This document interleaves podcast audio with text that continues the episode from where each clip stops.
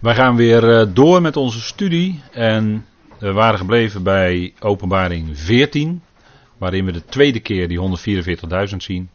En er is geen enkele aan, aanleiding om te veronderstellen dat het gaat om een andere 144.000 dan in openbaring 7. Waarom worden ze dan twee keer genoemd? Nou, omdat het in 7 gaat om politiek, politieke aspect. En in openbaring 14 gaat het om het godsdienstige aspect. En vandaar dat er wel meer dingen in openbaring natuurlijk meerdere keren worden genoemd.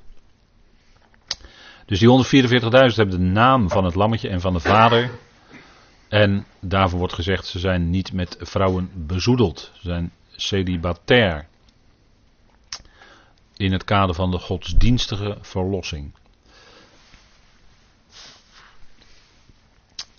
Een geluid. Johannes die hoorde een geluid. Dat hebben we gelezen in Openbaring 14 vers 2. Hij hoorde een geluid uit de hemel. dat wil nog niet zeggen, er, wordt geen uh, melding gemaakt van iets dat erop zou kunnen duiden dat die 144.000 in de hemel zijn. Er wordt hier alleen maar gezegd dat een geluid uit de hemel komt. Als we even gewoon lezen wat er staat. Dan staat ik hoorde een geluid uit de hemel. Als een geluid van vele wateren. Het geluid van een zware donderslag. En ik hoorde het geluid van citerspelers die op hun citers spelen. Maar dat is de lier. Dat is geen citer, maar een lier. Een citer is een ander muziekinstrument. Het gaat hier om een lier. En dat wordt in het Oude Testament ook wel met harp vertaald. Maar dit is natuurlijk geen echte. Het ziet er wel een beetje uit als een harp, maar dat is geen echte harp. Het is een lier, misschien de voorloper van de harp. Maar dat is het snareninstrument waarop bijvoorbeeld David speelde. Dus die speelde niet op harp, op een harp. sommige koren in de kerk noemen zich harpen Davids of zo. Eh, maar dat is dan, ja helaas, moet toch teleurstellen. Het is de lier van David. Geluid uit de hemel wordt gehoord.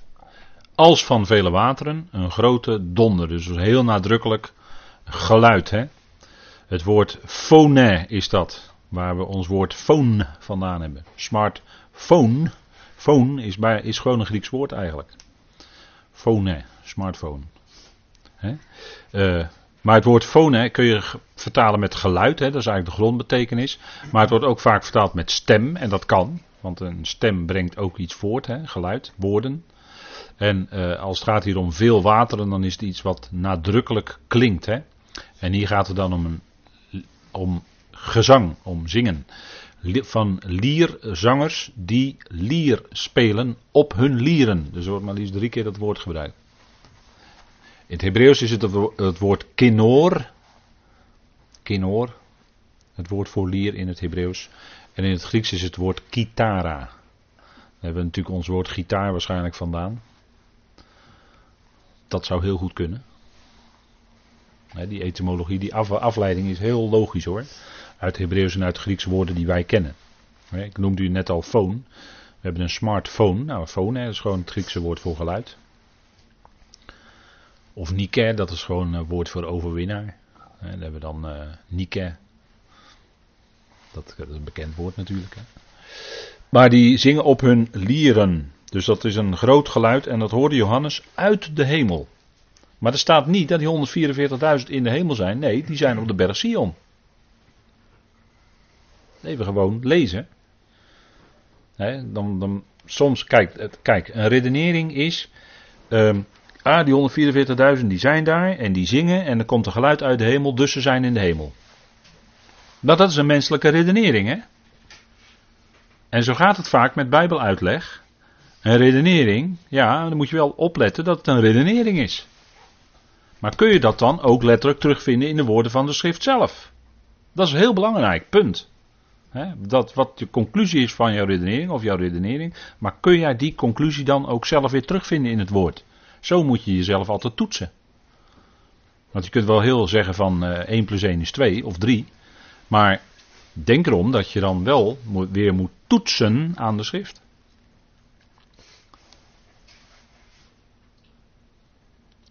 En dat is hier dus ook het geval. En dan staat er, en zij zongen, vers 3. Ja, want die 144.000 die zingen. En dat is wel een specifieke gebeurtenis, want we zijn hier bij de prille, eerste prille aanvang van de vestiging van het koninkrijk van de Messias op aarde. Dat, dat is het punt hier. Hè. dit zijn de ontkomenen die staan op de berg Sion. Op de berg Sion zal ontkoming zijn. Ze zijn ontkomen aan de klauwen van de beesten, hè, van het beest. En zij zijn dan verzegeld en gered en zij bevinden zich dan op de berg Sion. Dat is de eerste prille begin van het koninkrijk. En als, als dan zoiets begint als het koninkrijk, hè, wat, wat inluidt de wedergeboorte van Israël, ja, dat er dan een nieuw lied gezongen wordt, dat is niet zo gek, want dat gebeurde wel vaker. Kijk, als hemel en aarde als het ware samenkomen en er wordt gezongen, of er wordt gesproken tot eer van God, dat gebeurde wel vaker.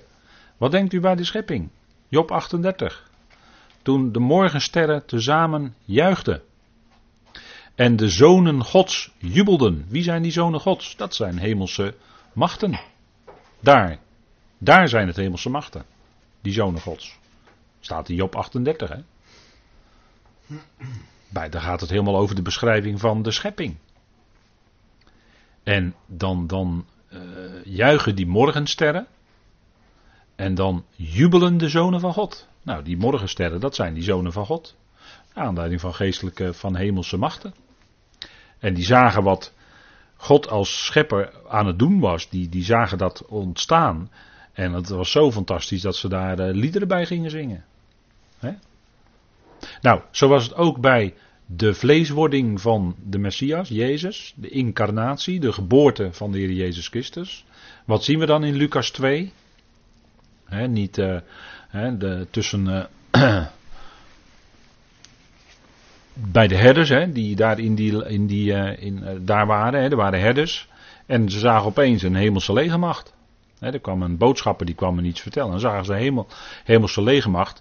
En die zeiden, zij zongen niet, hè, zij zeiden, ere zij God. Zij zeiden, ze zongen niet. Wij zingen het dan wel als. Uh, we moeten eigenlijk in oktober zingen bij het Loofhuttenfeest. Ere zij God. Um, als we echt de geboorte zouden willen gedenken. Maar uh, zij zeiden, ere zij God. In de hoogste. Dat is natuurlijk een enorme belangrijke gebeurtenis. Dat hij kwam als mens. in de gelijkenis van de mens hebben we gezien bij Filippenzen. Heel nauwkeurig moet je zijn. Maar in de gelijkenis van de mensen kwam hij op aarde. En dat was een enorme gebeurtenis. Vandaar dat er ineens gezongen wordt en als het ware de hemel open gaat. En dan blijken hemel en aarde heel dicht bij elkaar te, te. Hoe moet ik dat nou zeggen? Bij elkaar te zijn. En dat is ook zo in werkelijkheid. is de hemel dichterbij dan u denkt. Die is niet zo ver weg hoor, als je het Bijbelse wereldbeeld volgt. Maar goed. Daar zie je dan ineens dat de hemel open gaat. Dat gebeurt in de openbaring ook, hè, dat de hemelen worden teruggerold als een kleed.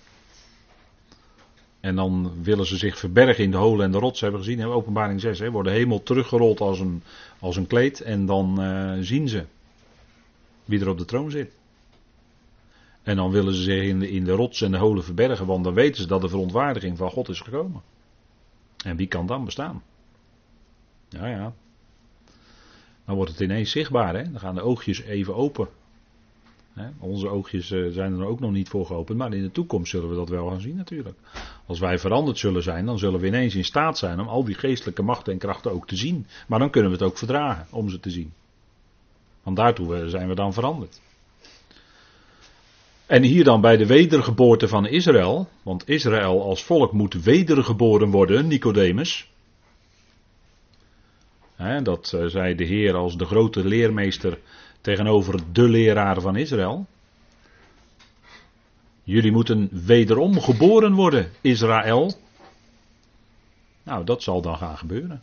Als hij zijn geest zal geven, de geest van genade en gebeden.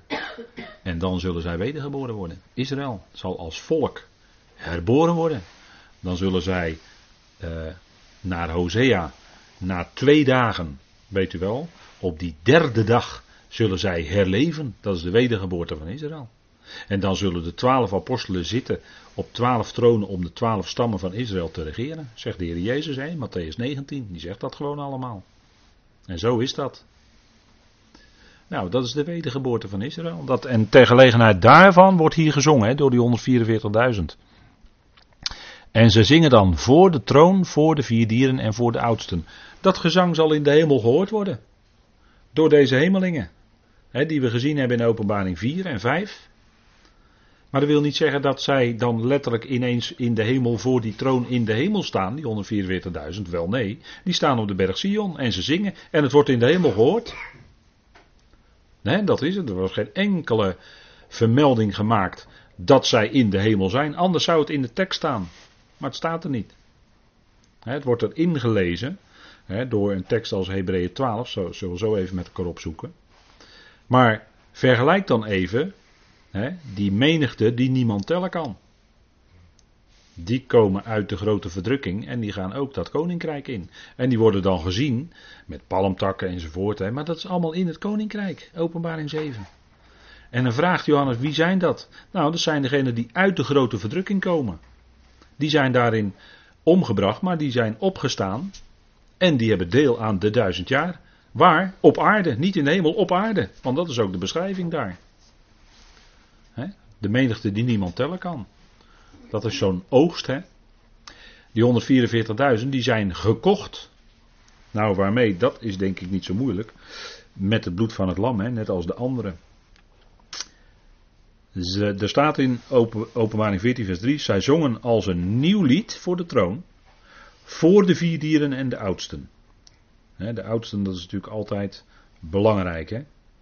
En niemand kon dat lied leren behalve de 144.000. Die, uh, die oudsten, dat zijn uh, degenen die in, uh, bij de hemelingen daar een belangrijke positie hebben. Hè? En niemand kon dat lied leren behalve de 144.000 die van de aarde gekocht waren. Waarmee? Nou, als er elders in openbaring gesproken wordt over een verloste groep, is dat gekocht door het bloed van het lammetje. Gekocht door het bloed van het lammetje. Dat staat hier dan niet letterlijk zo in 14 vers 3. Maar als je het naast openbaring andere hoofdstukken legt, bijvoorbeeld 5 vers 9, waarin gezongen wordt, u hebt ons gekocht met uw bloed, dan mogen wij aannemen dat als ze de naam van het lammetje op hun voorhoofd hebben, dat zij gekocht zijn met het bloed van het lammetje. Want dat is dat, dat, dat is dat wat vrijkoopt, dat is dat wat loskoopt. En dat wordt in vers 4 ook nog een keer gezegd. Hè? Deze zijn gekocht uit de mensen. Eerstelingen voor God en het Lam. Gekocht met dat kostbare bloed van Christus, hè, zoals Petrus erover schrijft. Het kostbare bloed van Christus. Als van een smetteloos en vlekkeloos lam. Hè. Dus Petrus die spreekt daar uiteraard ook met zeer veel respect over. En terecht, hè, dat zouden we ook wij doen. Die 144.000, vers 4 daarvan wordt gezegd in vers 4, die zijn niet met vrouwen bezoedeld. dat woord wordt dan gebruikt. En dat is weer tegenover, ik heb het al even genoemd, tegenover openbaring 13, waarin dus de cultus van de aanbidding van het beest en het beeld van het beest, daarover wordt gesproken. En uh, dat is ook wat we eerder hebben gezien, de leer van de Nicolaïten, weet u wel. En van de vrouw Izebel, die, uh, zoals we uit de geschiedenis weten, het volk leerde afgodenoffers te eten en hoererij te bedrijven. Waar ook op, uh, waarop ook een gericht kwam. Numeri. Kunnen we de allereerste eerste keer zien. Hè? En dat is ook precies waar het in openbaring 13 over gaat. Hè, bij die aanbidding. En dat is ook waar afgoderij en afgodendienst toe leidt.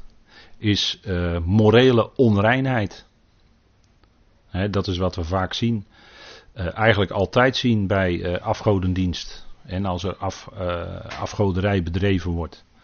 En dan gaat het niet alleen om excessief eten en drinken, maar ook om hoererij.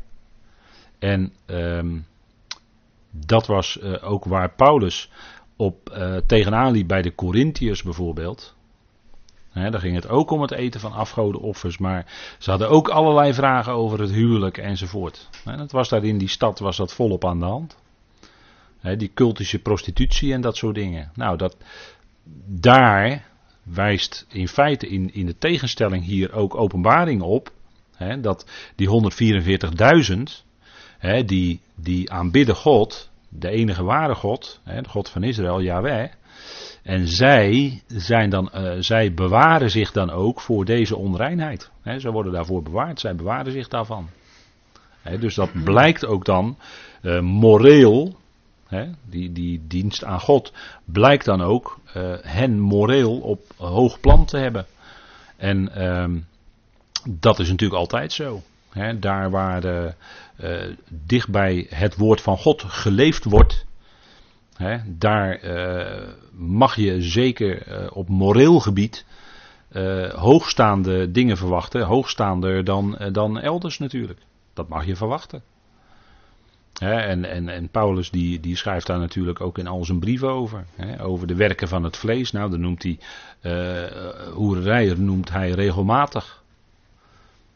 als, als werken van het vlees. En, en dat het duidelijk een, een uh, afwijzing is van, vanuit het evangelie. wordt dat afgewezen. Waarom? Omdat het niet dat is onzuiver, dat is onrein. en het evangelie spreekt over zuivere zaken, zuivere dingen. Nou, kom er in, in deze tijd in de wereld maar eens om, hè. Met zijn, uh, wat, hoe noemen ze dat? L, LGBT, BLBG, nou ik weet het allemaal niet. Maar daarin zie je dus, hè, dat, dat ook daar, juist daarin, wordt alles door elkaar gegooid.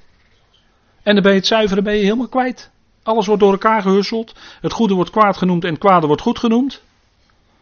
Alles wordt door elkaar gehusseld en je bent het kwijt. De zuivere waar, waar het uiteindelijk allemaal vandaan komt. He, kom er maar eens om. Nou, in de wereld hoef je niet te kijken hoor.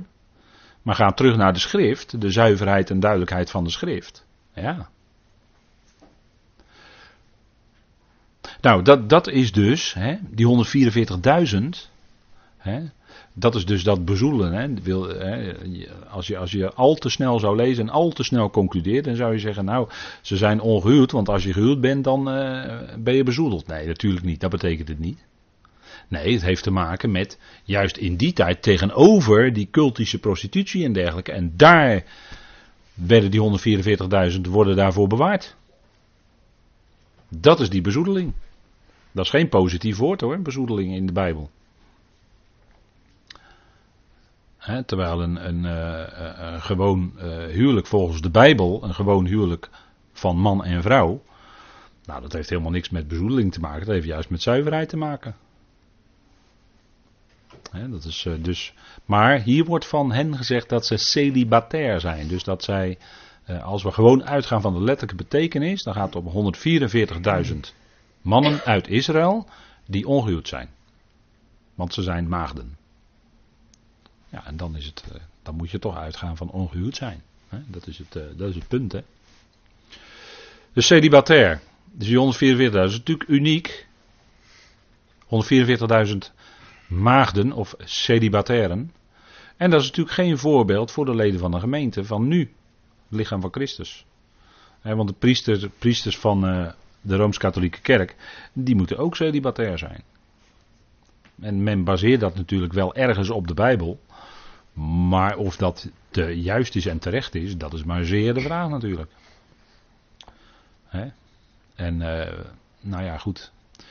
Hoeven daar uh, niet, te, niet te veel woorden over te zeggen. Hè? Het celibaat binnen de Rooms-Katholieke Kerk. Want daar hebben we al genoeg toestanden van gehad hè, in de loop van de tijd. Jongen, jongen, jongen, jongen. En wat doen die 144.000? Zij volgen het lammetje Waar het ook naartoe gaat. Dat is weer die zuiverheid en die reinheid. Zij volgen het lammetje waar het ook naartoe gaat. Hè, wat doen zij? Zij volgen dat, die Messias na. En uh, ja, dat is de Messias leidt en zij volgen dat na.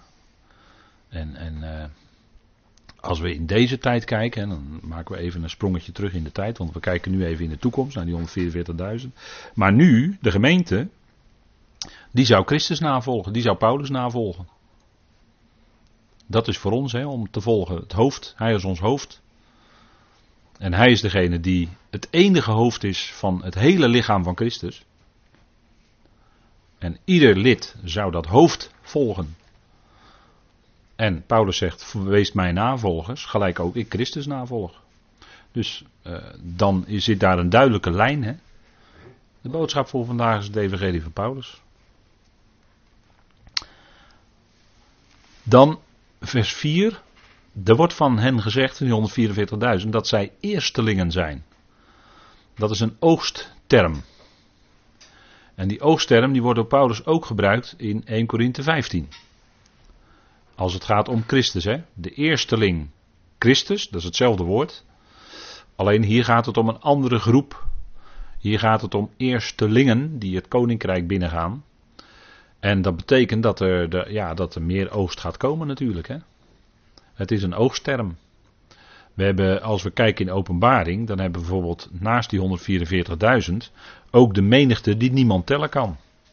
Nou, dat is ook een oogst van Israël. Hè? Zie de velden zijn wit om te oogsten. Nou, dat zal in die tijd zeker zo zijn. Hè? Figuurlijk gesproken. En dan zullen zij uh, bijeen vergaderd worden. Hè, na de grote verdrukking. Uh, dat zegt Matthäus 24, vers 31. Hoe doet God dat? Nou, die zendt zijn boodschappers uit. En ze zullen verzameld worden. Dat is oogst. En dat is ook uh, de gelijkenissen van het Koninkrijk der Hemelen. Openbaring 13 wordt ook gesproken over de oogst. Wat is de oogst? Volgens, volgens Matthäus 13. Wat is de oogst? Ja? De Heer Jezus legt het uit. Hè? De oogst is de.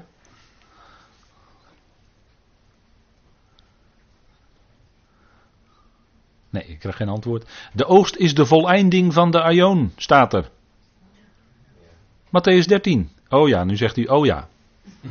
Ja, dat is het. Matthäus 13 wordt uitgelegd door de Heer. De oogst is de voleinding van de Aion. Dan zal er geoogst gaan worden. Van welke Aion? Nou, deze boze Aion. En dan gaat het blijken. Dan zijn die 144.000 verzegeld, die worden bewaard. De menigte die niemand tellen kan. Daar zijn veel martelaren bij uit de grote verdrukking. En die zullen deel hebben aan het koninkrijk. Dat is de oogst. Zo doet God dat. Hè? Die zamelt ze dan bij elkaar en stuurt zijn boodschappers uit naar alle windstreken. Matthäus 24, vers 31 is toch zo'n bekende tekst. Eh, dat wordt, dat wordt nu niet vervuld door christenen van Israël hoor. Maar dat wordt straks vervuld door uh, de boodschappers die dan uitgezonden zullen worden met luid bazuingeschal. Dat heb ik in Nijkerk niet gehoord. En er staat, en dan zal in de hemel het teken van de zoon des mensen verschijnen. En dan zullen al de stammen, Matthäus 24 vers 13, dan zullen al de stammen van het land rouw bedrijven. Zacharia 12 vers 10. En ze zullen de zoon des mensen zien als hij op de wolken van de hemel komt met grote kracht en heerlijkheid. Dat is het einde van de periode van grote verdrukking over Israël.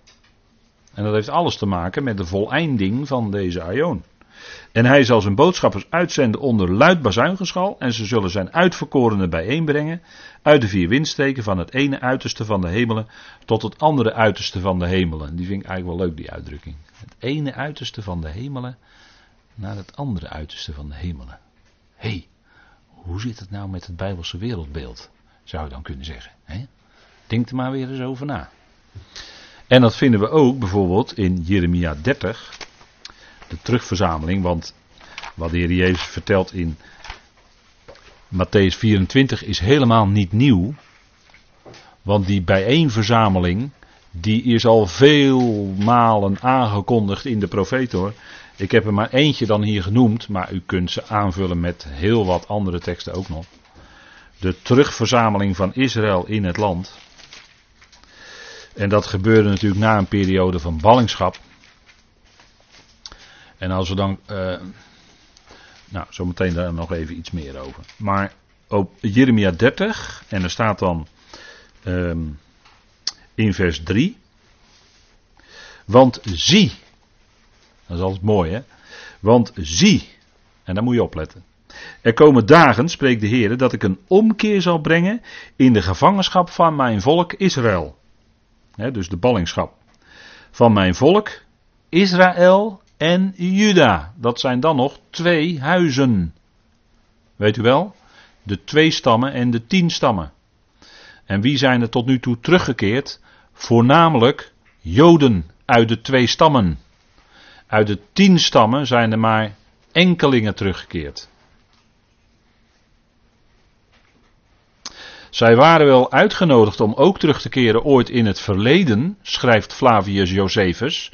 Maar de stammen die, de tien stammen die daar achter de Uifraat zaten, die wilden niet. Die wilden niet. Ze werden wel uitgenodigd door leden van de twee stammen, maar zij wilden niet terugkeren. Die tien stammen zijn nog steeds in de verstrooiing. Maar God zal ze weten te vinden. Want er komt altijd het probleem van, ja, maar die tien stammen zijn nog steeds in ballingschap en we weten nergens waar ze zijn en er zijn verschillende theorieën over. Um, dus uh, ja, dat is dan heel moeilijk hoor, die 144.000. Ja, wat denkt u dat God ze weet te vinden? Natuurlijk weet God ze te vinden. Kom nou toch. Kom, kom, die weet wel waar die mee bezig is hoor. We moeten niet zo menselijk denken over God, hè? Want die boekhouding boven is veel en veel, veel beter dan wij hoor. En veel nauwkeuriger ook. Die zal precies weten wat, dan zal het precies duidelijk zijn. En dan zullen ze er gewoon zijn, letterlijk 12.000 uit elke stam. Behalve dan de twee die niet genoemd worden, Dan en Ephraim. Ja, dat, dat, is natuurlijk Gods zaak. En die stuurt zijn boodschappers erbij. Die weten precies waar ze moeten zoeken en waar ze ze moeten vinden. Natuurlijk. En ook die uitverkorenen die, die, eh, die overal verdreven zijn, nog steeds zijn de tien stammen grotendeels uh, onder de volkeren, maar ze zijn er wel. En God zal ze weten terug te vinden hoor. Maar kijk, dat, dat zal de Heer gaan doen. He, dat zeggen natuurlijk de rabbijnen, orthodoxe rabbijnen zeggen dat ook. Die zeggen ja, die tien stammen die zijn nog niet terug, maar die, die komen wel terug. Maar God zal ze weten te vinden. Natuurlijk, dat weten zij ook uit de Tenach. En er staat hier onder andere. Mijn volk Israël en Juda, zegt Yahweh. Dat is zijn volk. Dat is dus de twee en de tien, allebei. En ik zal hen terugbrengen naar het land dat ik hun vader gegeven heb. En zij zullen het in bezit nemen, alsjeblieft. En dat is de l'histoire se répète, hè, om het op zijn Hebreeuws maar te zeggen dan. Hè? Maar bij Jozua was dat zo. En na de ballingschap zijn ze gedeeltelijk teruggekeerd. Maar onder Jozua kwamen al die stammen die werd het land verdeeld. En dat is nog toekomstmuziek. Dat is profetisch. Dat is profetisch. Het boek Jozua is profetisch over wat in het eindtijd gaat gebeuren. Na de verleiding van deze aion. Gaat het volk opnieuw, maar dan onder de grote Jozua zullen ze het land binnentrekken. Wie? Nou, de twaalf stammen. En het gebied zal veel groter zijn, dan, zullen ze vanaf de Nijl tot aan de Eufraat een gebied hebben. Eufraat. Nou, dat is wat de Heer voorzegd heeft door Jeremia. En dat gaat natuurlijk gewoon gebeuren. He, daar moeten we niet zo kinderachtig over doen.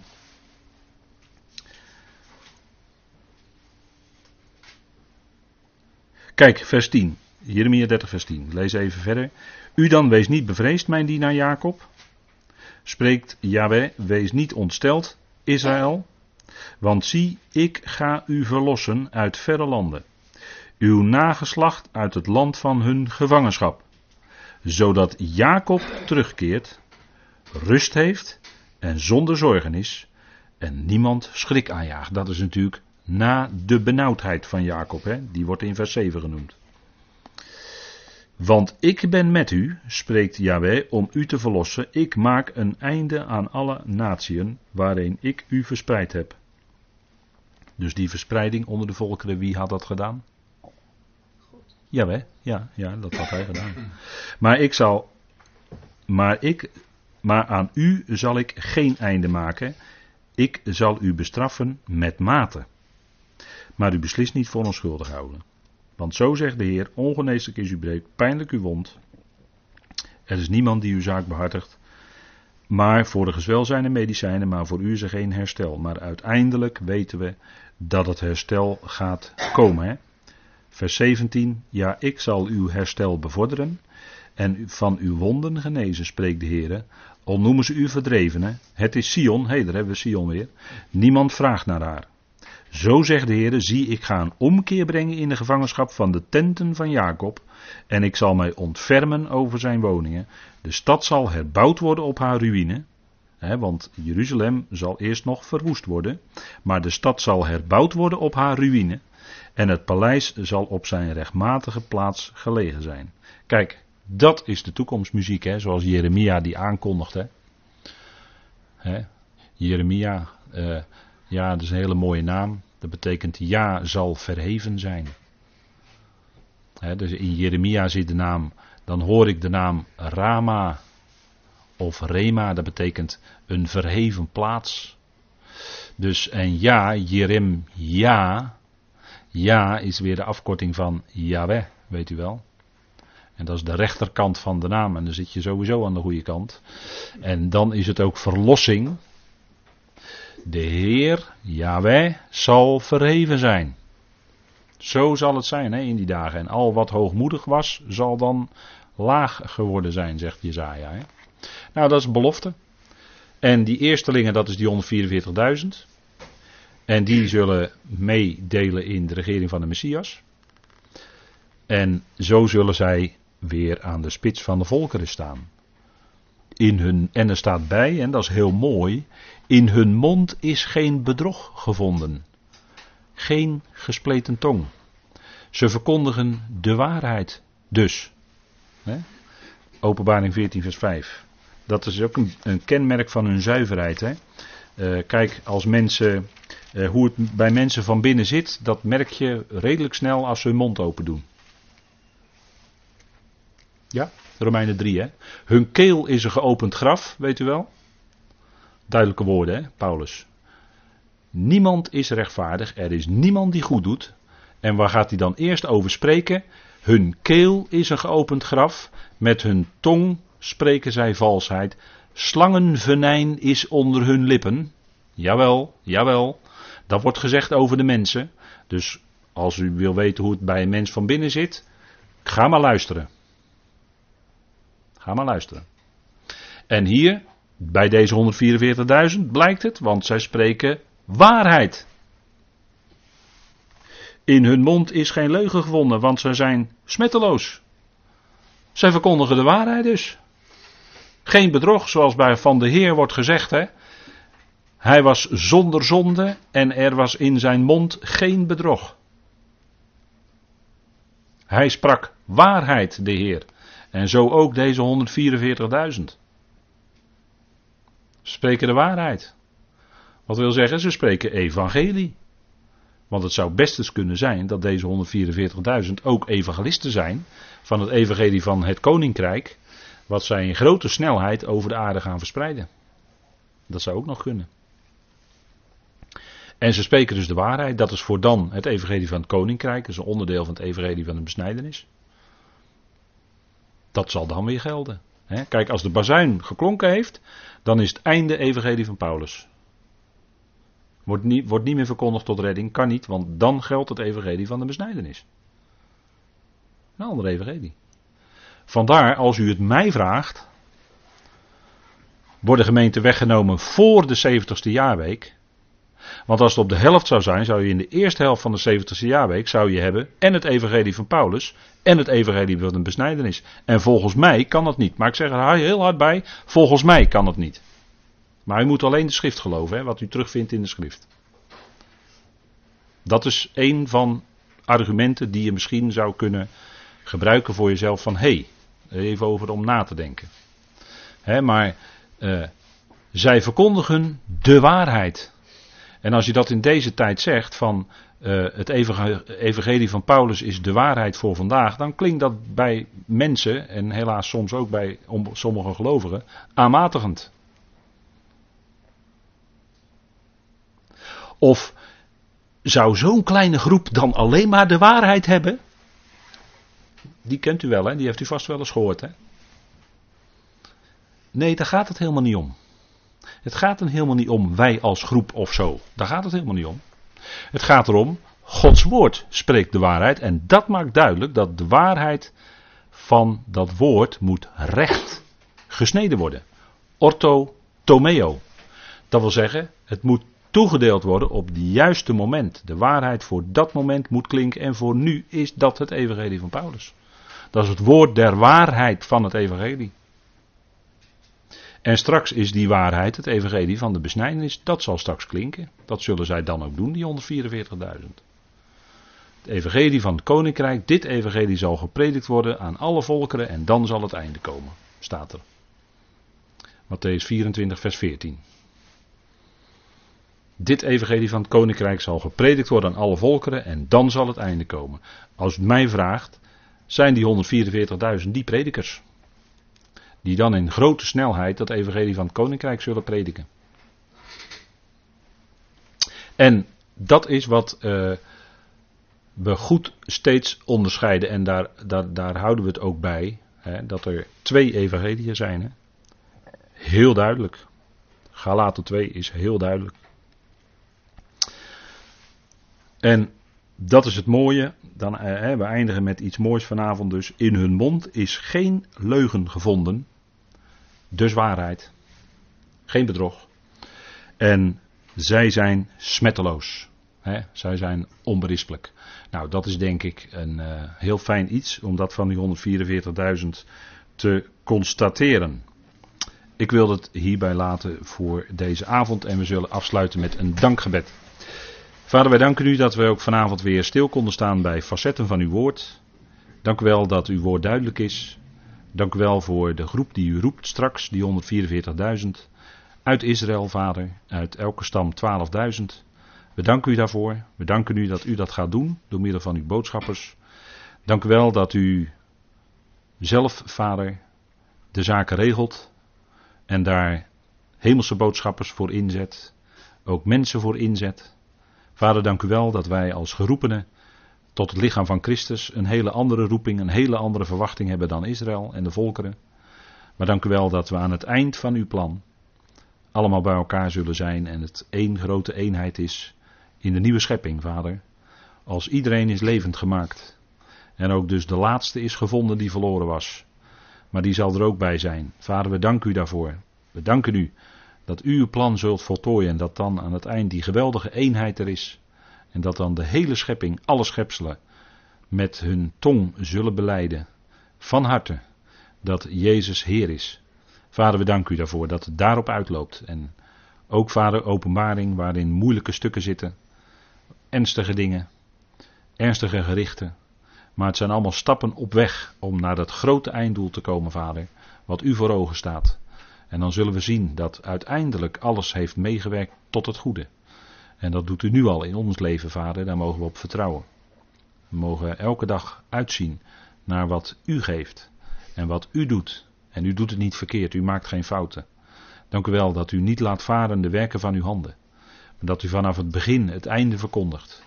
En dat u al uw welbehagen zal doen. En uw welbehagen is, Vader, dat u uiteindelijk alles in alles zal zijn. Wat een geweldige uitkomst van uw plan. Vader, we danken u daarvoor. We danken u zo voor dit moment wat u deze avond gaf. En dank u wel dat we ons bewust zijn dat we in een bijzondere tijd leven. We danken u daarvoor in die machtige naam van uw geliefde Zoon, onze Heer Christus Jezus. Amen.